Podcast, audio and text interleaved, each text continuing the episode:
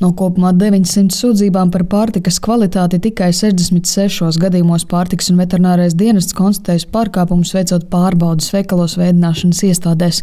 Lielākā daļa sūdzību saņemtas par pārtikas tirdzniecību, īpaši par augļu un dārzeņu kvalitāti, kā arī par svaigu gaļu un gaļas izstrādājumiem. Konstatējot produktus ar beigušos termiņu vai uzglabāšanas pārkāpumus, dienests tirgotājiem piemēro sodu. Turpina PVD pārtikas izplatīšanas uzraudzības daļas vadītāja Vineta Grīmberga. Vairāk ir tieši par bojātiem pūšiem svaigiem augļiem, par eh, gaļas izstrādājumiem, gaļas produktiem, par pelējumu, nepatīkamu smaku vai saskābis, vai, piemēram, ir arī bijis tā, ka ir uh, tirgota veca karpa, piemēram, par tiem pašiem augiem dārzeņiem, kas arī šobrīd ir uh, septembrī izteikti, kā mēs saprotam, ir šīs te augļu mušiņas. Nu, jā, tur tā ir veikala darbinieki, arī tā bojāta augu dārzeņu nepāršķirošana un tirgošana bojāta. Ja būs ieskābis, nu, tur var skatīt gan veikalu, gan ražotāju. Ja, piemēram, prot arī transportēšanu, iespējams, ka transportējot nav bijusi atbilstoša temperatūra. Latvijas tirgotāja asociācijas vadītājs Henriks Danusevičs norāda, ka veikalniekiem pat labam netrūks dažādi izaicinājumi, jo mazumtirdzniecības apgrozījums krītas, ieņēmumi veikalos sarūkot un darba spēka izmaksas pieaug. Taču viņa prāt pārtiks kvalitāti tas neietekmē un sūdzības bieži ir nepamatotas, par ko liecina tas, ka apstiprināta mazākā daļa no tām. Trūkums ir tikai tajā, ka nav resursu, un tas arī dārgi, lai visu pārtiku pāršķirotu.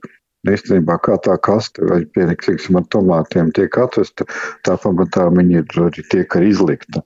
Mans padoms vienmēr veikaliem ir pie tiem augiem dārziņiem nolikt vienu kasti, kur pircēji paši ievēro, kāds tomāts, teiksim, ir iepuvis vai kāds cits produkts ir sabojājies, ka cilvēki paši atlasa un ieliek tajā bojāto augļu kastītē. Un tā ka kopumā es domāju, ka situācija ir normāla. Protams, ka gadās kļūdas, protams, ka gan PVD rūpīgi uzrauga, gan arī tirgotāji ievēro šos noteikumus.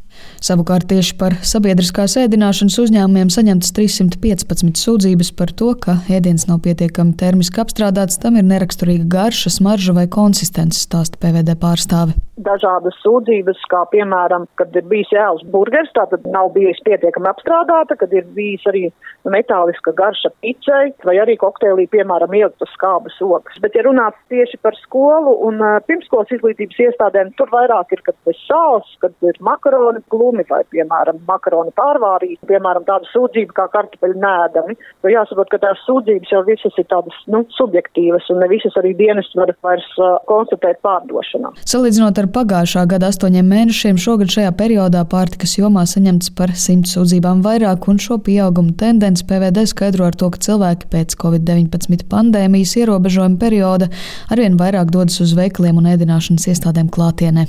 Sinti Ambota, Latvijas radio.